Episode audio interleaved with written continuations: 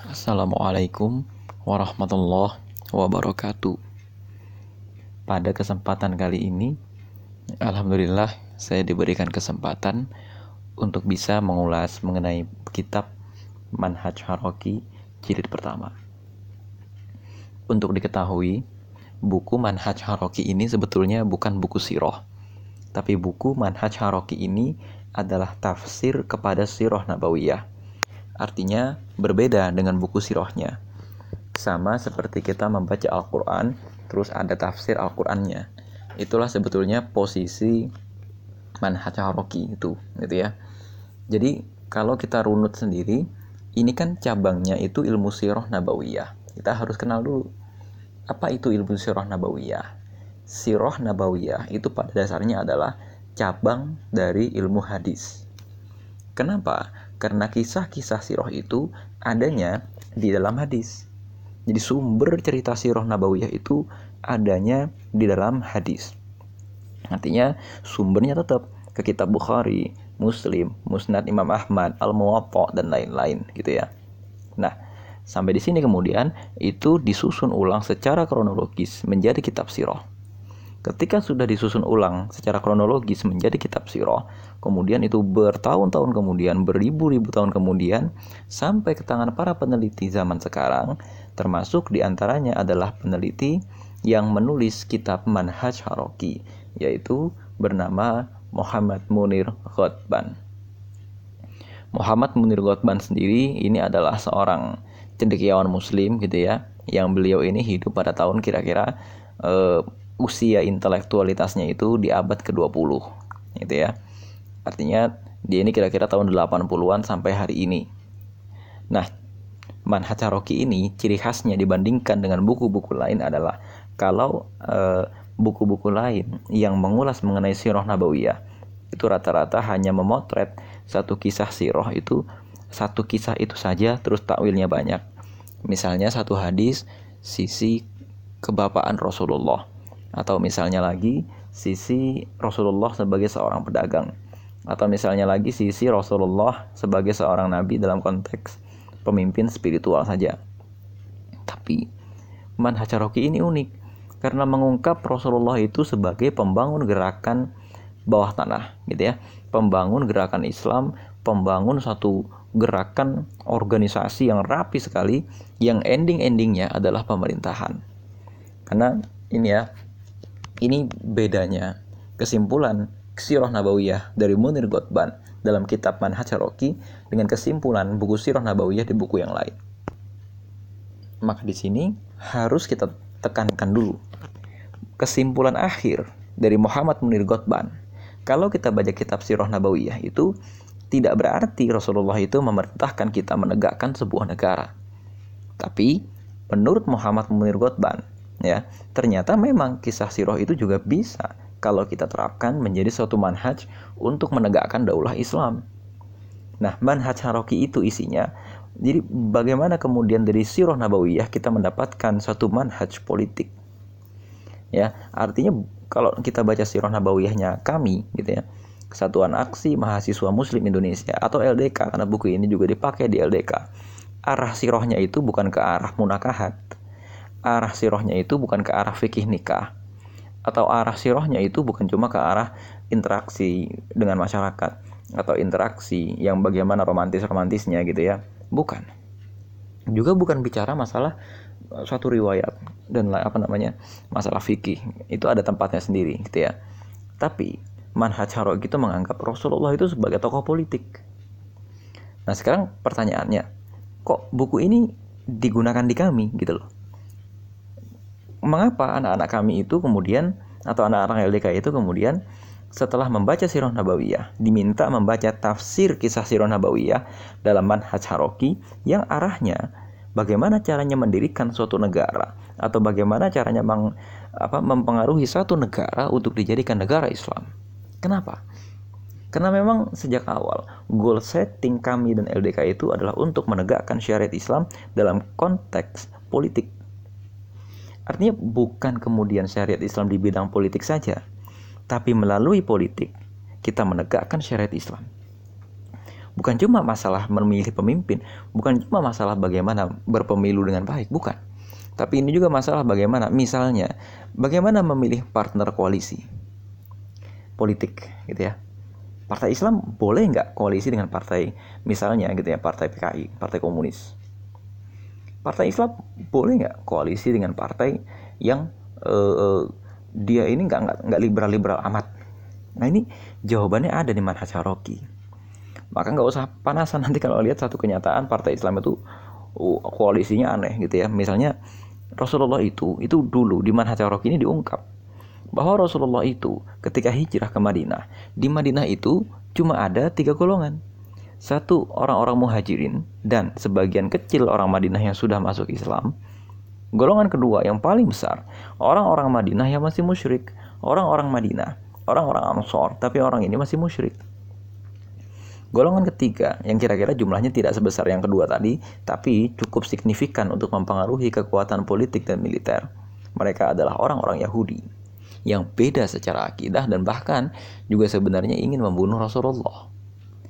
Nah, sampai di sini ternyata Rasulullah itu mengikat piagam Madinah, berkoalisi dengan orang-orang Yahudi dan berkoalisi dengan kabilah-kabilah kota Madinah yang masih musyrik untuk menghadapi lawan mereka di kota Madinah yang juga masih musyrik. Kenapa? Ini ibaratnya kita main karambol. Ya. Jadi untuk bisa memasukkan satu pin ke dalam lubang, kadang kita harus membenturkan dulu atau kadang-kadang kita harus nembak pin yang tidak langsung masuk lubang, tapi pin ini yang membenturkan pin yang masuk lubang itu. Nah, ini yang yang harus kita pahami dari kitab Manhaj Haroki. Nah, latar belakang buku ini ditulis gitu ya Manhaj Haroki itu sebetulnya pada tahun 80-an itu euforia organisasi-organisasi Islam untuk bisa mendirikan daulah Islam itu besar. Mengapa? Karena pada tahun 80-an itu bertepatan dengan dua generasi ketika khilafah sudah tidak ada. Kira-kira sekitar 60 tahun gitu ya. Sekitar 60 tahun khilafah itu bubar. Artinya masih banyak pada saat itu kakek-kakek atau nenek-nenek yang masih mengalami masa khilafah. Gitu ya. Mereka tahu tuh rasanya di bawah khilafah itu gimana dan mereka tahu itu bubarnya bagaimana. Sehingga banyak orang itu membesarkan satu generasi yang merindukan khilafah, tapi mereka menghadapi satu fakta bahwa abad 20 adalah abad demokrasi. Nah, sekarang ulama itu sebenarnya mencari jalan. Gimana sih caranya umat Islam itu bisa masuk ke dalam demokrasi? Dan apakah demokrasi itu halal atau haram itu sebenarnya? Atau terlepas dari sistem itu semua, bagaimana cara umat Islam bertahan di tengah-tengah dunia yang kemudian dunia ini saat itu pada abad 20 dan mungkin sampai sekarang tidak berpihak kepada politik Islam. Kita nggak usah terjebak pada halal atau haramnya demokrasi karena itu urusan orang lain. Tapi menurut Muhammad Munir Gotban, masalahnya itu bukan di demokrasinya. Kalau cuma debat masalah demokrasi nggak habis-habis. Tapi masalahnya adalah bagaimana umat Islam ini bisa beradaptasi dengan lingkungan politik yang bagaimanapun dan kemudian gitu ya, merebut kekuasaan untuk bisa mengendalikan bumi dan menebarkan nilai-nilai kebaikan. Apakah gambaran merebut itu di sini terus kemudian berdarah-darah? Enggak juga. Banyak kiranya portofolio yang harus kita bangun agar umat Islam itu menjadi buah bibir, menjadi pusat pembicaraan, menjadi daya tawar tersendiri. Seperti belakangan ini ramai kasus ya misalnya politik Islam melalui ijtima ulama. Ijtima ulama yang berlangsung di Jakarta gitu ya. Itu kan kemudian berlarut-larut karena apa? Karena tampaknya ijtima ulama ini tidak mengarah langsung kepada solusi ke tengah-tengah umat. Ya kan? Itu masalahnya. Yang kedua, ada lagi masalah feminisme yang belakangan ini ramai yang kita sayangkan umat Islam ini seperti tidak punya wacana gitu loh. Untuk bukan menghadapi feminismenya tapi untuk menonjolkan bahwa ajaran Islam itu meninggikan harkat dan martabat perempuan. Seolah-olah perempuan itu semakin solehah itu udah semakin pengen nikah. Sesudah nikah udah hilang. Kenapa? Karena bagi mereka seolah-olah orang soleh itu cuma urusannya cuma dijadikan calon jodoh bukan dijadikan satu cara untuk memperbaiki peradaban di tengah-tengah masyarakat. Bahkan syarat menikah mereka itu barangkali nggak ada syarat dakwahnya. Itu yang jadi persoalan gitu loh. Nggak ada sekarang, jarang sekali orang Islam sekarang tuh yang punya tekad yang kuat untuk bisa mengubah masyarakat sehingga masyarakat itu bisa lebih islami. Kenapa masyarakat emang nggak cukup dengan diri kita aja kok kita harus ngajak masyarakat? Itulah bedanya agama Islam dengan agama yang lain. Ya kan? Watawasau bil haqq, watawasau sabr. Orang-orang yang selalu saling menasehati dalam kebenaran dan saling menasehati dalam kesabaran. Artinya, mengandung kata saling. Kalau ada kata-kata saling gitu ya, kata-kata saling itu kan maknanya adalah kita harus ya berhubungan dengan orang lain, dakwah Ya kan itu masalahnya. Nah, Muhammad Munti Qutban sendiri adalah simpatisan dari Ikhwanul Muslimin. Meskipun ada yang mengatakan ini termasuk salah satu pimpinan, gitu ya. Tapi yang jelas, memang buku ini dibuat untuk legitimasi atau sebagai bentuk pembenaran kepada bagaimana cara Ikhwanul Muslimin itu bergerak dan secara ibaratnya secara langsung gitu ya memang digunakan sebagai landasan akademik landasan ilmiah untuk bagaimana caranya umat Islam ini bertahan, bersiasah, berpolitik, berparlemen di tengah abad demokrasi yang pada saat ini sedang berlangsung. Nah itu ya. Ini mukaddimah gitu ya. Ini, ini, ini pembukaan sebetulnya kitab Manhaj Haroki itu apa. Selanjutnya, bagaimana struktur atau pola kisah sirah nabawiyah menurut Muhammad Munir Qutban dalam Manhaj Haroki. Sebelum ke situ, kita analisis dulu judulnya. Manhaj Haroki.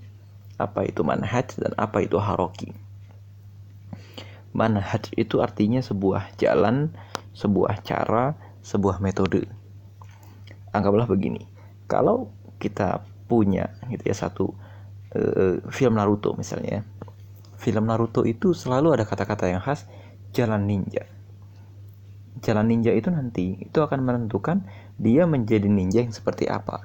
Apakah ninja Ronin tanpa tuan rumah atau ninja yang taat kepada pemimpinnya ya menjadi anbu atau ninja yang tidak menjadi bagian dari mata-mata khusus tapi dia hanya menjadi ninja biasa, menjadi prajurit biasa atau dia menjadi ninja ninja pelarian dia menjadi ninja desersi atau dia menjadi ninja yang mendirikan organisasi baru di luar negara. Nah, manhaj itu semacam itu. Manhaj ini adalah satu pola pikir yang nanti akan menentukan bagaimana kehidupan keagamaan dia. Nah, apa bedanya manhaj haroki dengan manhaj salaf misalnya? Atau dengan manhaj sunnah misalnya? Jadi ini sebetulnya satu istilah akademik. Ini bukan istilah bukan istilah khusus di bidang keagamaan Islam bukan. Artinya manhaj itu itu bisa diletakkan dengan kata-kata yang lain. Karena manhaj dalam bab ini, dalam kitab ini, itu bukan berarti manhaj agama Islam, bukan. Karena ini adalah satu istilah dari penelitian akademik mengenai siroh. Bukan satu istilah baru dalam keagamaan, bukan. Ini istilah yang hanya istilah baru dalam ilmu pengetahuan, tapi bukan istilah baru dalam agama Islam. Nah, apa itu haroki? Haroki ini sebenarnya satu gerakan kehidupan nyawa gitu ya. Contoh uh, ini asal katanya begini. Kalau kita membaca Al-Quran tidak ada syakalnya tidak ada bendera-benderanya tidak ada apa bahasanya aksesorisnya. Kita katakan itu tidak berharokat tidak berharokah. Artinya harokah itu yang menentukan pengelompokan pengelompokan kata pengelompokan bunyi-bunyi. Sehingga bunyi itu menjadi indah bunyi itu menjadi tepat bunyi itu menjadi pas sehingga bunyi itu punya makna ya kan? Sehingga satu huruf vokal itu memberikan makna kepada huruf konsonan. Yang tadi cuma huruf kaf itu jadi kakiku ya. Atau yang tadinya cuma huruf ba itu ba bi bu gitu. Itu namanya harokat ya. Haroki itu artinya bagaimana cara kita bergerak. Manhaj haroki. Cara kita bergerak dalam menyusun satu organisasi yang dalam kitab ini arahnya itu membentuk satu organisasi politik. Oh, kenapa politik? Ya, karena memang pada saat di dunia ini gitu ya, mujtahid itu macam-macam. Mujtahid itu artinya pembaru, penyempurna, pemurni agama Islam. Kita memasuki satu abad, di mana ini abad pertama kita tanpa kepemimpinan muslim. Sebetulnya kira-kira sekitar 900 tahun yang lalu kita pernah mengalami kondisi semacam ini. Ketika Daulat Abbasiyah itu runtuh dan kemudian gitu ya kerajaan Islam terpecah-pecah. Kenapa runtuh? Karena serbuan pasukan Mongol kepada Baghdad dan akhirnya khalifah sendiri entah ke mana. Pada saat itu bangkit ya satu orang Saifuddin Qatiz yang kemudian berhasil mengalahkan Mongol dan mengembalikan tahta khilafah. Nah kalau sekarang gitu ya, kalau sekarang ijtihad yang diperlukan itu ya karena dunia ini tanpa kepemimpinan politik, dunia ini tanpa kepemimpinan spiritual yang tunggal, maka para ulama di abad 20 berijtihad, maka kita harus mendirikan harokah. Kita harus mendirikan gerakan Islam, kita harus mendirikan haroki. Gitu ya. Nah, ini organisasi inilah yang banyak yang lahir pada tahun 19 uh, 1900-an gitu ya. Kalau yang sifatnya lokal, NU, Muhammadiyah, Persis, dan Al-Irsyad. Ini waktu berdirinya itu relatif bareng-bareng. Tahun 1910-an sampai tahun 1930-an. Relatif agak bareng-bareng. Tidak jauh dari runtuhnya khilafah. Jadi bentuk gerakan organisasi Islam yang sifatnya politik ini adalah memang ijtihad dari ulama di abad ke-20. Nah, mungkin kalau ulama zaman sekarang ijtihadnya mungkin tidak ke arah situ. Tapi ijtihadnya itu adalah mungkin bagaimana cara kita terlibat lebih jauh dalam bidang ekonomi. Atau ijtihad ulama zaman sekarang itu ya itu misalnya bagaimana kita membangun lembaga-lembaga filantropi. Meskipun ijtihad di bidang keagamaan Islam politik memang harus tetap ada. Nah, sampai di sini gitu ya, kita sudah mengenal manhaj haroki itu apa, baru nanti kita membahas masalah isinya.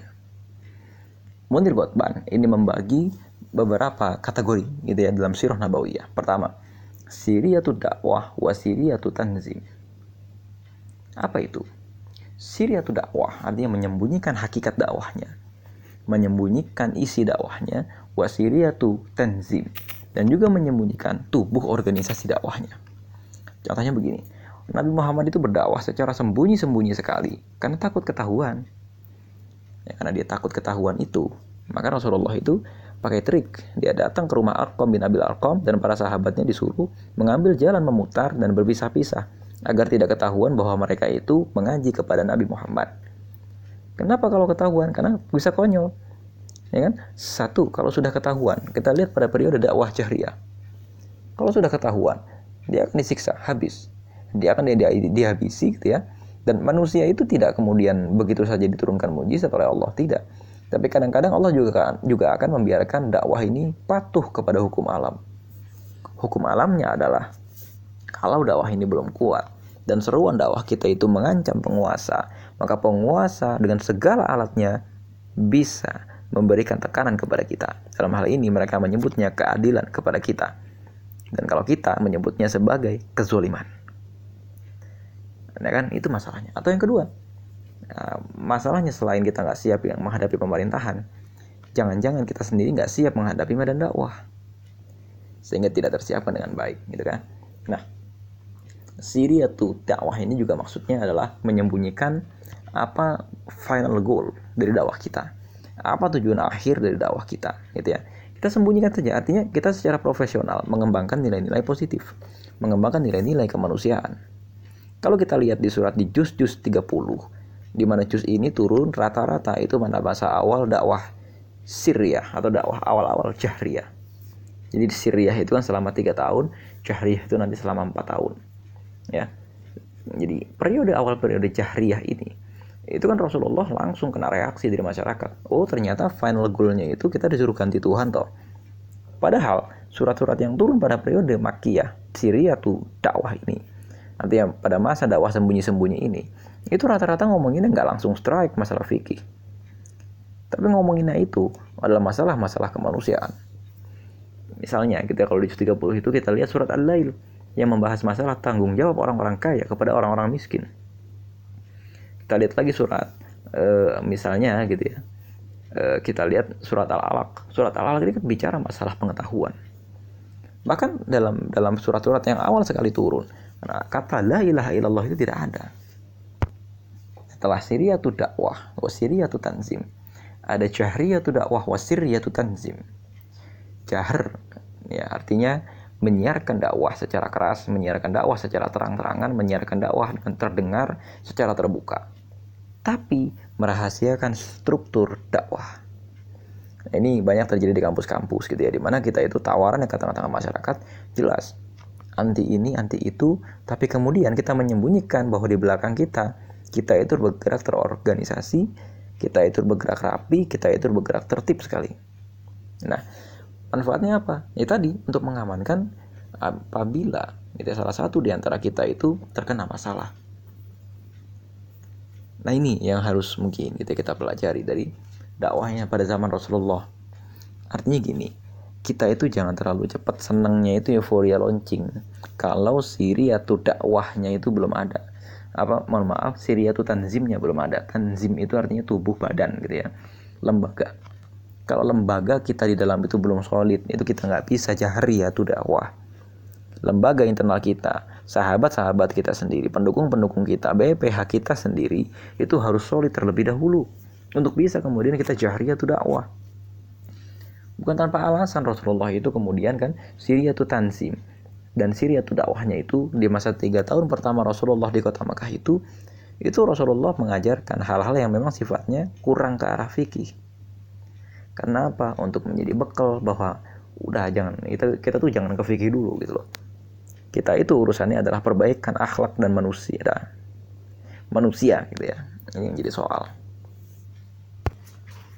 Nah ini contoh konkretnya penegakan Syria tuh dakwah wajariyah tuh dakwah di kampus. Ya, ya Syria tuh dakwah watan Syria tuh tanzim di kampus itu kita menyembunyikan bahwa nanti kelak orang-orang yang kita berikan liko kepada mereka atau orang-orang yang kemudian nanti kita berikan mentoring kepada mereka itu gitu ya itu nanti ternyata mereka akan dimasukkan di LDK atau mereka akan ditempatkan di kami. Atau nanti mereka mungkin kemudian hari gitu ya akan menyadari bahwa begini begitu. Itu kan kadang-kadang kita menutupi maksud kita itu dengan akhlak yang baik. Ya sebagaimana Rasulullah. Bagaimana akhlak yang baik? Kita menjadi mentor.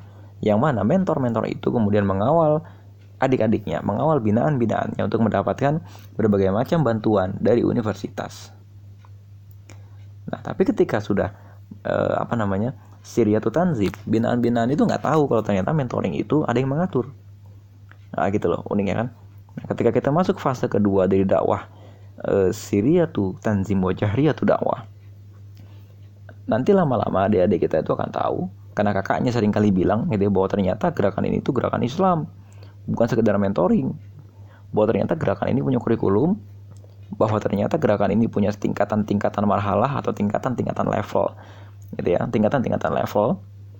Atau kemudian menyembunyikan yang nanti baru diungkap gitu ya setelah masa menyembunyikan tanzim dan menyiarkan dakwahnya itu bahwa ternyata selama ini kita tuh memang tujuannya ingin mengganti Pancasila dengan syariat Islam. Kan gitu. Artinya Syria tuh dakwah wajariyah tuh tanzim ini di, bukan diberlakukan ya bahasanya itu juga dilakukan di Indonesia karena memang ini adalah bicara mengenai fitrah sebuah gerakan. Ya, ini fitrah sebuah gerakan dan kemudian gitu ya ini relevan juga dengan dunia kampus gitu loh. Di dunia kampus itu rata-rata orang kritis. Rata-rata orang pinter yang di kampus. Nggak bisa dia tuh pakai caranya itu uh, to the point gitu ya langsung dan lain-lain. Orang-orang kampus itu harus dibuat nyaman dulu. Harus dibuat apa bahasanya punya keterikatan dulu dengan dakwah punya keterikatan dulu dengan murabbinya sehingga kelak dia itu akan menuruti segala perkataan murabbinya yang berasal dari Al-Quran, As-Sunnah, dan lain-lain. Yang bukan berasal dari hawa nafsu semata.